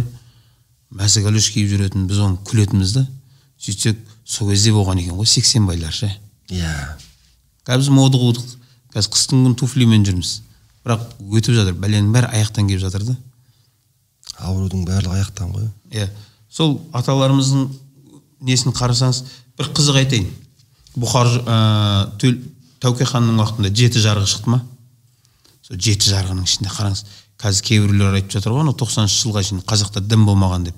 Далбасаламасын қазақ аталарымыз дінді керемет ұстанған. Қараңыз. Бұхар жырау абылайдың оң қолы болған. Иә. бес уақыт бес намаз біреуі қазақ алмасқа деп айтқан да ол қашан өткен адамдар қандай сөздер айтып кеткен. Сол тәуке ханның жеті жарғысының ішінде мынандай бір заң бар екен. Қай бір ауылдан құдайы қонақ өтіп бара жатып түн болып қалады ғой. Уже ары қарай жүре алмайсыз. Бір үйге барып мен құдайы қонақпын деген кезде ана үй күтпей қойса қадиға барып биіне деп айтайықшы сол кездегі биге барып мына үй мені күтпеді деп шағымданса ана билер келіп мына үйді тексереді екен. Шынында да жағдайы жетіп тұрып күтпей қойса 25 қой салық салады екен әнки А қазір біз жақында ана бір бөтен елдің адам азаматтары кіріп еді квартираны қымбаттатып өзіміздің қазақты қуып шықты ғой. Иә. Надандық қой ол. Одан кейін анау ковид келіп еді масканы көтерді. Қай кезде қандай проблема соған қатысты нәрселер көтеріледі. Мысалы да қараңыз біз қазір адамға жан ашудан қалдық та. Мейірім жоқ. Иә анау шымкент пен алматының ортасында қыстың күні жолда адамдар қалып еді. Сол ауылдың адамдары ана қыста қарда көміліп қалған адамдарға булка нанды мың теңгеден сатты. Біреу айтады төрт жүз теңгеден төрт жүз теңгемен еді бес десе тура келмейді деген да. Қараңыз қазақ атамыз қалай дін ұстанған? Тоқсаныншы жылдарда мысалы мына пацандар жоқ кезде екеуміз бар едік қой кезде. Сексен тоқсаныншы жылдарда. Білесіз ба? Ау майды суды қатты талонмен алатын алды сол кездерде біздің апаларымыз аталарымыз мынадар өлең көрген адам ұқсап қояды миығынан күліп отыр бірақ үйде өзі бәр нәрсені есептеп беретін кезде Бәрі талонмен ғой. анау сандықта біздің апаларымыз білесіз ба кәмпит пішіне тығып қоятын. Көп, көп тиісе бермеңіз ана балон базарда онша мұнша нәрсеңізді айтып қоясыз. Е, ол енді шығарып жіберемін. Ол тақуалықтан шыққан ғой тығып қоятын еді ғой. Қара өзінің баласына бермей қонағына қонағына береді. күтіп отыратын. Қонақ оны біз ұрлап жейтінбіз ұрлап жеттік қой сол қараңыз сол бір біздің қазақта баяғыда бөтеннің өзін күтпегендерге салық салған екен да. Қазақ негізі құдайы қонағын көшеде қалдырмаған халық болған да. Иә. Әлбетте осы қазақ деген кезінде қазір мынау тәңіршілдер бар. Олар да қазақ деп ұрып жатыр. Біздің қазақтар біздің қазақтар деп. Видимо олар енді ана бір алкаш қазақтарды ма анау дінсіз қазақтарды айтып жатыр ау. Біз де қазақтар деп айтамыз. Қарап отырсаңыз. Қай дін келген бізге? Бәрі біздің қазақ біздің қазақ деп ұрып жатыр ғой. Айтқым келетіні бүкіл қазақ бірдей діндар болып кеткен жоқ. Ол болмайды да. Ол қияметке дейін бұндай тартыс кете береді. Діндары да болады алкашы да болады дінсізі де болады. Анауың да болады мынауың да болады. Ол кете береді да. Бірақ негізгі қағидаларға қарасаңыз қазақтың қаймағы дегендер кімдер? Біз соларды алмаймыз ба мысалға? Абай атамыз. Иә. Ыбырай алтынсарин. Қазақтың келбеті. Е, ана біреулер айтады мәшһүр жүсіп айтыпты деп қояды. Сақалы бар да мұрты жоқ деп айтыпты деп. Бұлар да ана жаман адам деп айтып жатыр деп ше бірақ мәшһүр жүсіптің өзіне қарасақ өзінде сақал бар ғой. Олар өзінің сөзіне өзі. Көп сөздерді анау осы мәшһүр жүсіптің ба біреудің отыз жылдан кейін болатын нәрсе деп болжаған нәрсесі деп жіберіп жатыр ғой ол да өтірік дейді. Тоқыма да? Тоқыма нәрселер көп кеткен да мысалы мәшһүр жүсіп атамыз өзі сақал қойып дін жайлы айтып жүрген адам сақалға тиіспейді олар. Өйтетін болсаң бірінші біздің үш биіміз кетейін деп тұр ғой. Иә. Сақалдан бастайтын болсаң бірінші үш биіміз кетейін деп тұр. Абай атамыз ыбырай алтынсарин сақалы болған Бәрінде сақалы болған. ахмет байтұрсыновтың сақалы болған. Бәрінде болғанда кетейін деп тұр ғой. Біз енді қазақ деді ма біз осы адамдарды мысалға аламыз біз ұтылмаймыз. бүкіл зиялылардың барлығында болған ғой сақал деген кәдімгі. Иә. Сақалдан бөлек қай зиялыны алсаңыз да діндар болған ғой. Діндар болған соны а машһүр жүсіптің анау өзіне ас берілгені қалай? Мысалы өлетінде ашаршылықты біліп дейді да. Барған сайын осы осы әңгімені естимін да мен сол павлодар жаққа барып қаламын мынандай ғой. Қазақтың аузында сөз, жүрген сөздер көп. Оның ішінде жаңағы біз өз ақылға салып өзіміз қосатынымыз бар. Мысалы үшін ә, біздің ұстаздардың атасы абдуғапар ұстаздардың әкелері діннен қудаланды ғой. Қудалап тиісті ғой оған. Сол кезде ол кісі таңның уақытында ей құтылыңдар құтылыңдар деп католиктерді жинап алып ұрып көшеде жүреді екен да. Бұны бір адамдар сондай жынды адам болған деп жеткізеді а бірақ негізінде ол неден құтылыңдар деп жатыр? Таң намазына тұрыңдар хайя аля сала хайя аля фалахты айтып жүреді дейді да. Осындай бір адамның өмірін екі адам екі түрлі түсіндіреді ғой сол үшін ә, мысалы арыстан баба атамыз жайлы қожа ахмет ясауи жайлы аталарымыз жайлы біздің шын тарихты білетін аталарымыздан тарихын сұрасаңыз өмірбаяндары керемет тақуа әулие адамдар болып өткен адамдар деп айтамыз. Бірақ кейбір адамдар оны бұрмалайды. Мысалы біреулер естідім өзі видеосы жүр интернетте. Қожа ахмет ясауи ол мұхаммед пайғамбардың рухы дейді. Өйткені мұхаммед пайғамбар бәдір соғысынан кейін арыстан бабқа келіп айтты дейді. Барған ғой. Мм. Сол жерде болды. Соған барып айтты дейді. Мен мынау елге мен пайғамбар бола алмаймын сен мына аманатты ал деп құрма берді да үш жүз төрт жүз жылдан кейін мен өзім барып бұны қайттан аламын деп айтты дейді сөйтіп келіп алды да төрт жүз жылдан кейін келді да қайттан аманатын өзі алды деп осылай жіберіп жатыр да осылай тарих әртүрлі келе береді жаңа тәңіршілер деп қалдыңыз ғой сол осы кісілер жайлы жалпы не білесіз не айта аласыз оны сіз көбірек білесіз ғой жалпы бұлар ислам дініне қарама қайшы жұмыс істеп жүрген адамдар ғой бұлар тәңіршілер ма? Біздің елді миын аштыққысы келіп не дейді? Оны жаңа біздің тілмен айтқанда разделяй и властвуй деп айтады ғой. Осы мына пайда болды емес бір бала өліп сөйтіп барып тәңіршілерге көме салған ба? Бір өмен өмендер. ешқандай талдықорған жақта иә талдықорған жақта болды ма? Сол барып бірдеке бірдеке деп өздеріне ат бірдеке деп айтады екен. Маған айтты ғой өмен өмен. Бірдеке бірдеке дейді да не жанына да шыққан жоқ біреу айтып жатыр тәңіршілдердің бұл мұсылман деген жақсы сөз емес дейді. Неге десе керісінше оқысаң жаман сөз шығады дейді да. Мен айтамын да сен кері туып кері тартпасын ба? Сен оңынан оқы да жүре берсей сенің атыңды да қазір керісінше оқыса жаман нә- нәрсе шығады. Ғой сол үшін кез келген нәрсені қалай жазылды солай Иә, оқу керек та жүре беру керек қой болды. Неге осы өзіміздің мынау елімізде мынау ә, осы жаңа жылға дайындалған сияқты басқа өзіміздің ұлттық мерекелеріміз бар ғой. Діни мерекелеріміз бар ма айт мерекеміз екі айтымыз бар мысалға деп айтыр соларға солай сөйтіп алып дайындалмаймыз деймін да. Мынандай қажеке. Біз қазір ә, бізде қазақ десе негізі мұсылман деп түсінеді. И бізде қазақ елі болғандықтан бізге бәрі қазақ сияқты көрінеді да бәрі мұсылман сияқты көрінеді ғой иә. Дегенмен 2015-те 500 мыңға жуық қазақ егово дініне кіріп кеткен болатын. Бұл 2015-те егово дінінде жұмыс істеп жатыр ғой. Одан кейін біз енді имам болып қызмет қылдық қой. Ел аралаймыз жұмаға барамыз. Мың адам бар ауылда жиырма адам жиналады жұмаға. Бұл уже орта есеппен сондай уже біліп қалдық қой. Екі мыңы бар адамда отыз бес қырық адам жұмаға жиналады. Отыз. Олардың бәрі намазхандар емес тағы. Оның ішінде жұмабайлар бар. Сонда енді есептеңізші біздің елде намазхандар қанша?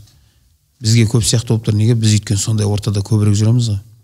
Сіз жай түнде шығыңыз да алматыда түнгі клубтарға кіріңізші. Сіз айтасыз елдің бәрі бұзылып кетті деп айтасыз. Мешіттен түнгі клубтарда адамдар көп. Адам көп.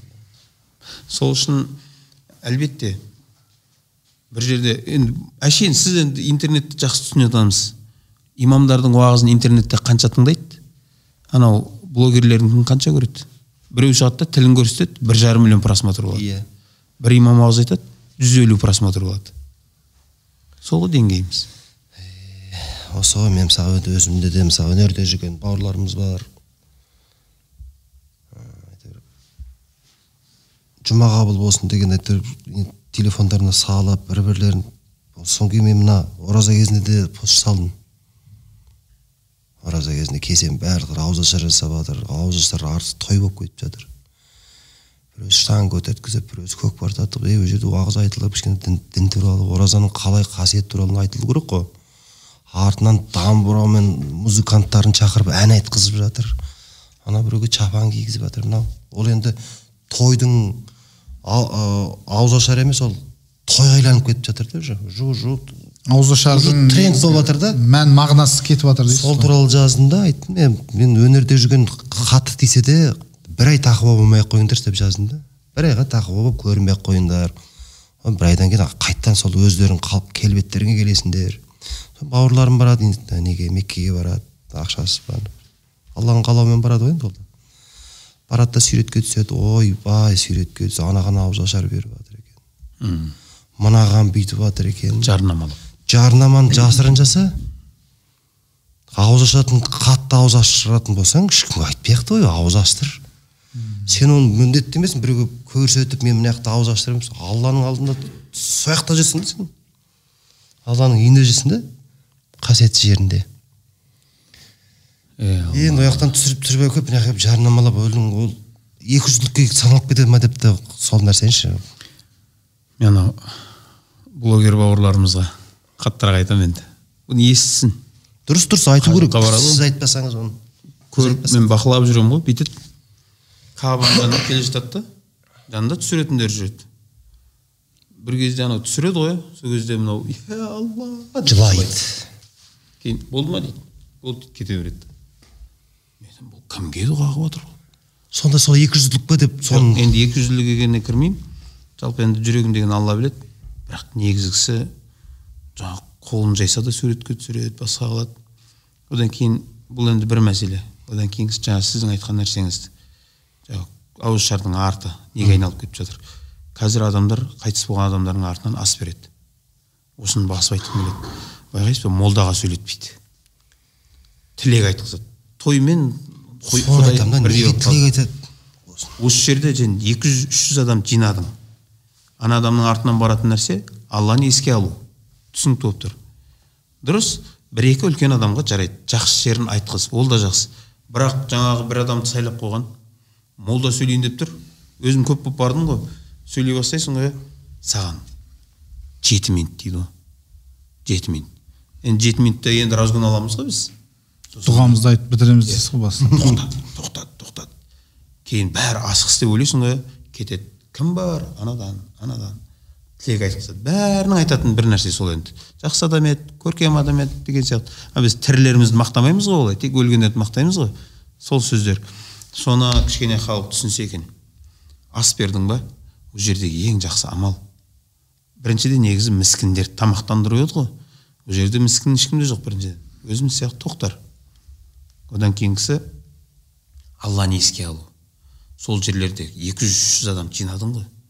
Ана одан да имамдарды көбейтсейші екі имам үш имам мүмкін бір имамның тақырыбы біреуге сай келеді біреу қаттырақ айтып қояды. Екінші имам мүмкін мүмкін анаған жүрегінен орын табар. Екі имам сөйлетсе онда мынау сөйлесін ал енді мына имам сөйлесін артықтық қылмайды деген сияқты ше. Имамдарға көбірек сөйлетсе деп ойлаймын да. Өйткені олар бәрібір қанша дегенмен алланың бізге құрандағы хадис пайғамбар хадистегі нәрселерін айтады ғой ол бізге. Ескертуді бізге ескерту көбірек қажет қазір. Біз қазір жігіттер шынымен мақтаудың адамдары болып қалғанбыз қараңызшы әр адам өзінде тәкаппарлығы бар екенін тексеріп көрсе болады дейді. Қалай дейді? Сені біреу мақтаған кезде көңілің көтерілсе сенің біреу қателігіңді айтқан кезде көңілің түссе біл онда сенде тәкаппарлық бар дейді. Неге саған сөз әсер етіп жатыр қазір жігіттер рас бәріміз мақтағанды жақсы көретін адам болып қалдық. Біреу бетімізге келіп сөйлесе керек десең өзіміздің насихат айтуға қорқасың намазхан жігіттердің өзіне қаттырақ айтып қойсаң е бауырым біз шамамыз келгенін істеп жатырық. Сен өзің түзесей деп өзің ұрысып береді а қалай сонда? Саған ескерту болмай ма сонда? Мен өзім түзете алмай жатқан шығармын. Бірақ саған айтуға болмай ма сонда? Сөз көтере алмайтын адам болып қалғанбыз да. Сол үшін ал имамды бәрі тыңдайды ғой. Сол жиындарда имамдар көбірек сөйлесе екен деймін да. Сол ғой. Сол. Аузында алласы жоқ адамға мысалға бір жерде болсын бата беріңіз бата беріңіз дейтін де дұрыс емес деп ойлаймын соны. Анау бір үйге қонаққа барасың ғой. Уже үйдің егесі жақтырмай бастайды ғой. Сол кезде бүйтіп. Сағатқа қараймыз білесіз ба айтайын десе айта алмайды. Мына таңертең қашан жағы қарсады екен деп ше?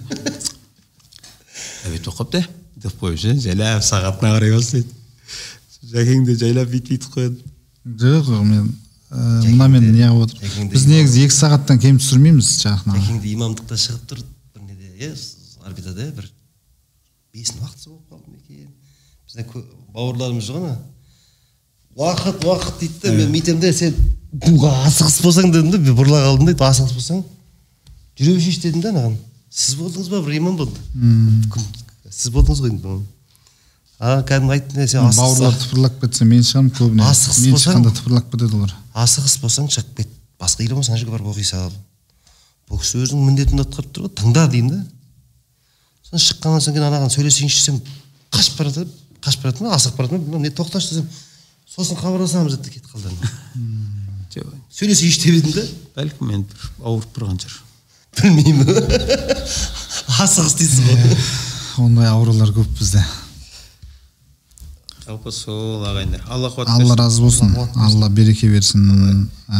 Абай атамыздың жақсы отырыс болды. Абай атамыздың сөзі мынандай керемет. Шынымен өмірде қарасаң бар нәрсе. Абай атамыз айтады ғой адам баласы кішкентай бала өсіп келе жатқанда ода мынандай нәрселер болады дейді. Ішсем жесем деген. Ішінде андай талпыныс ішсем жесем. Одан кейін көрсем білсем. Байқайсыз ба анау кішкентай бала? Бәрін мен жеймін дейді ғой ала береді ғой. Иә иә. Одан кейін мынау не мынау не? Ода екеуі де бар дейді да миында. Енді ата ана қайсысына қаттырақ мән береді? Бала сол болады дейді да. Ішсем жесем аузына тыға бердің ба? Ол сол жатып ішер болады дейді. Эгоист жатып жер ал көрсем білсем осы нәрсесіне миына көбірек ақылымен көбірек жұмыс істесең бала сол болады дейді. Да жалпы баланы бір атқа малға жақын ұстау керек сияқты баланы. М, жалпы өзіміз сөйтіп өстік қой. Қидың арасында өстік қой.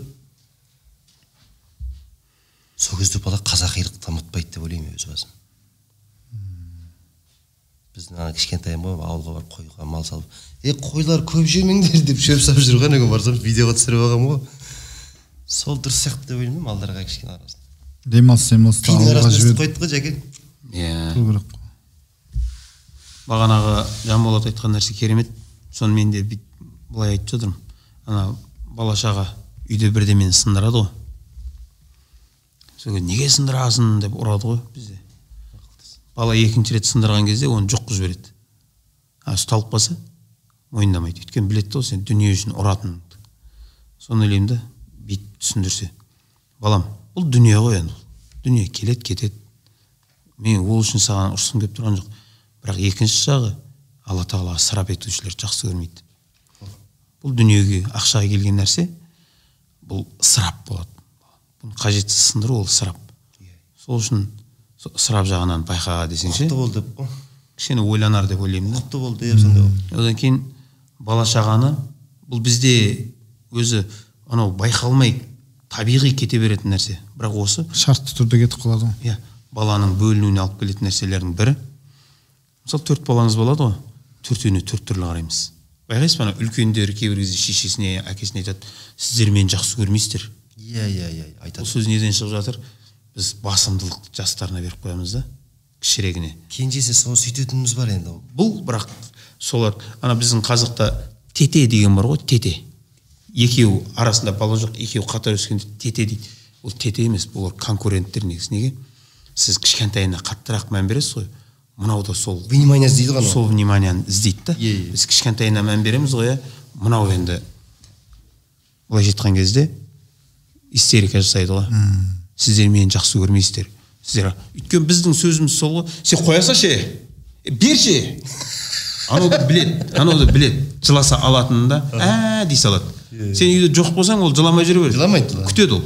Сен келген кезде жылайды. Не болды? Бағана ұрды дейді. Сол кезде ауырады оның ше неге? Сен сөзің сөйлеп ана үлкен көңілін қалдыратыныңды біледі да. Соны балдарға бірдей қарап үйретсең бар ғой иә бұл енді. Осыған жетсек бірақ өскен кезде олар бірдей болады. Иә. бірін біріне бірдей болады да. Анау бірін біріне деген кек қалмайды да. Айтып отыратын сол ғой балаға бауырмашыл бол бауырмашыл болыңдар.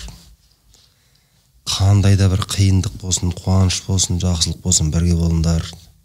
Ол менің маған әке шешемнің айтып отыратын тәрбиесі. Жолда да ақырын жүр. Сөзімнің соңында мына нәрсені айтайын. Бұл үлкен өзімнің өмірімнен алған мысал. Ә, мен естідім бір жерде? Анаңның көзінен сүю бұл бір керемет нәрсе.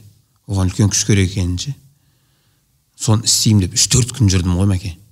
Жасай алмадым кәдімгідей қиналдым ғой? Болмайды барасың кетесің барасың өйткені біз тәкаппар болып қалғанбыз біз айқайлап сөйлеп үйреніп қалғанбыз да. Біз аналарымызға еркелей алмай қалғанбыз ғой. Сөйтіп бір күні осыны жасадым ғой. Анамызға күніге көзінен сүйетін бір бір апта екі апта. Күніге жатарда барып шекесінен көзінен сүйіп қайырылдым деп кетемін ғой. Содан бір күні бала шаға келіп ше менен. Әке біз де сіздің көзіңізден сүй-» сол әлі күнге шейін қарасай анамызға жасадық қой. Қазір бала шаға маған әлі күнге шейін жасайды соны. Мен оларға қара біз ана істе істе деп Иә, ұрсамыз иә. ғой. одан гөрі сен жаса сол нәрсе қалады екен да. Әлі күнге шейін бала шағам мен осы нәрсені жасайды маған. Ең қорқыныштысы қазіргі енді бала тәрбиесі болғандықтан не дегенде де қазіргі жастарға айтып жатыр әке шешең сені туды ма болды. Ол өлімге бас тігіп әкелген ата ана бар ғой сенен қарызынан құтылып қойған. Ол саған ешнәрсе міндет емес. Сен міндеттісің. Иә. ол маған үйтпейді ол маған бүйтпейді дейді ғой. Иә мен айтамын ең арқысы саған ол бере алмай жатқан шығар. Ол саған дүниеге әкелді ғой иә жеткілікті ары қарай сен құтыл қызмет қыл. Төлеп үлгере алмайнамыз ғой иә. енді қараңыз қазір көп біз жастарға мынаны айтамыз. Әке шешеңе жақсылық істемесең білесің ба не болатынын кейін саған да бала шағаң жақсылық жасамайды деп ше?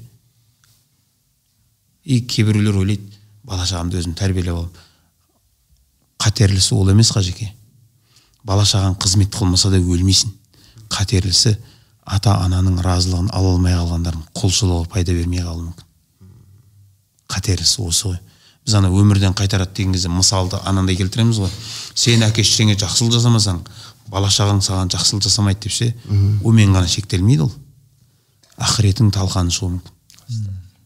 Өйткені пайғамбар саллаллаху қадір түнінде қадір түнін құлшылықпен өткізгендердің алла тағала мейіріміне алып құлшылықтарын қабыл етеді дейді.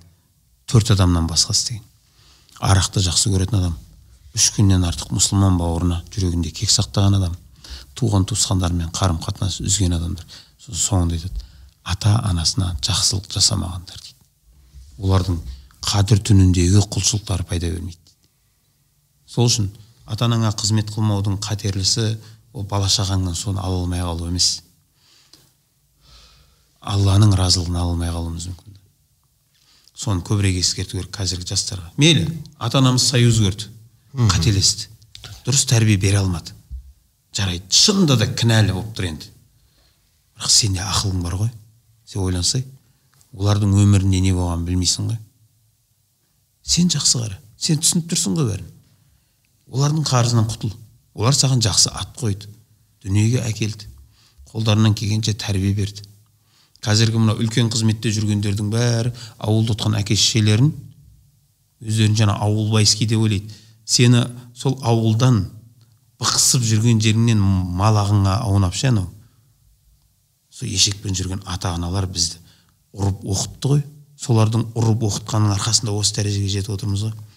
Сөзімнің соңы осымен қорықпаңыздар осыдан кейін сөйлемеймін. Мына өнер жолында жүрген адамдарға бұл ескерту. Біреумен сөйлесіп отырмын. Әнші. Қай жақта қай жақтансың Жа, шымкенттемін мысалы үшін. Қызылордадамын. Мысалы да. Не өзі өмірің қалай өзі қалай өмірің ойбой аға біздің өмір өмір бойы сапар ғой. Атырау шақырады тойға. Өлең айтуға барасың ақтау шақырады барасың ең көп шақыратын шымкент алматы астана. Бір күні шымкентте бір күні астана аптасына екі мәрте үш мәрте самолетқа ұшамыз осындай да өмірлері. Деп отыр сосын мен сұрап жатырмын. Әке шешең қайда? Әке шешем қызылордада. Ауылда. Қанша рет барасың? Екі айда бір рет. Бір жарым айда. Кейде екі жарым ай үш айға барады. Екі айда бір. Орта есеппен екі айда бір рет барамын дейді. Сосын мен айтып жатырмын неге сен апта сайын бармайсың? Ойбой аға уақыт жоқ. Уақыт жоқ қой оған дейді. «Жоқ, неге сен уақыт жоқ болса неге сен самолетпен бара салмайсың? Ойбай аға ол самолетпен ол жерге барып келіп білесіз ба оны? қырық мың онда қырық мың мұнда ғой табан астында ала сал билет. Жүз мыңның үстінде кетеді ғой дейді түсіндіре алдым ба енді? Енді негізгі сөздің мағынасын түсіндіңіз ба? Мен айтып жатырмын ақша беретін жерге апта сайын үш рет ұшасың да. Дүние үшін. Әке шешең жағдайын сұрауға келген кезде. Есептейді да түсіндіңіз ба? Мен айтамын онда қалай ойлайсың? Әке шешең саған хабарласып балам келіп кетесің ба саған? екі жүз мың теңге берсек. Деп айту керек па сонда? Әке шешесіне баратын кезде уақыттың мына ақшаның кететінін есептейді да мен айтып қай уақытта болды? Осы жерде отырдың да біреу саған атыраудан ертең той бар десе ұшасың. Бірақ осы жерде отырдың да әке шешең есіңе түсіп кетті. Алдың да самолетқа билет алдың да кете салдың. Қашан болды? Оған ше расходты есептейді да. Кеше мысалы шымкентте тойда болдық тойдың басын бір риза болғаным. Кәдімгі құранмен басталды той. Машалла. Риза болдым. Той келген кісілердің бір кісілерді түрлерінен байқадым. Әбден андай тойға жын ойнаққа үйреніп қалған той қалай өтеді деп ойлап отырған түрлер түрлерді де байқадым. Түрлерді де байқадым. Той дейтін да мен той бітті тойға сол тойдың анау берген жігітке айтамын да. Алла өзі өзі қандай адамсың солай болып тойың өтеді дедім да.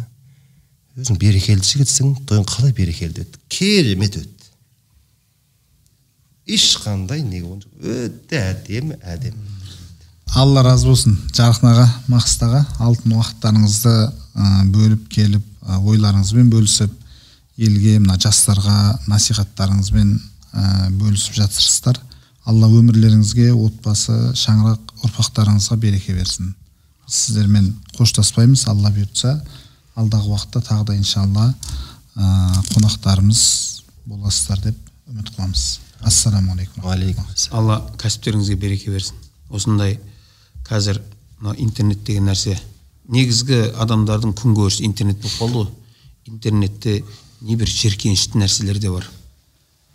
Бұндай бұндай ы, осындай каналдар көп ашылып жатқан ше?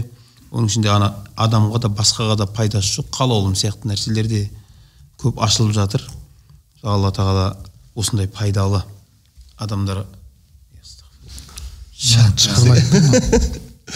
алла тағала осындай адамдарға пайдалы болған осындай нәрселерді елімізде көбейтсін.